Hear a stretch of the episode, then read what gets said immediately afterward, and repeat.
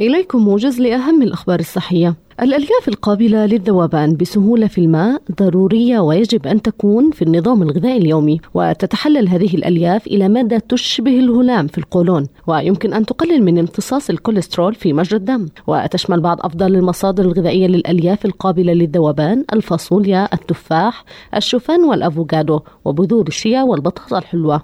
كشفت دراسة طبية حديثة إلى أن الأشخاص الذين يبقون جالسين لساعات طويلة في العمل والمنزل أكثر عرضة للإصابة بالخرف من الذين يجلسون أقل. وأشار أستاذ علوم بيولوجية في جامعة جنوب كاليفورنيا إلى أن أفضل طريقة لتقليل مخاطر الإصابة بالخرف هو إيجاد طرق للتقليل الجلوس بشكل عام.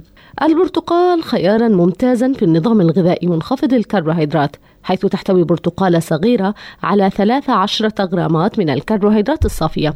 ووفقا لوزارة الزراعة الأمريكية فإن البرتقال مصدر للبوتاسيوم الذي يساعد في خفض ضغط الدم لأنه يقلل من أثار الصوديوم. فكلما تناول الشخص المزيد من البوتاسيوم كلما فقد الصوديوم عن طريق البول. كما يحتوي البرتقال على كمية هائلة من فيتامين سي المعزز للمناعة.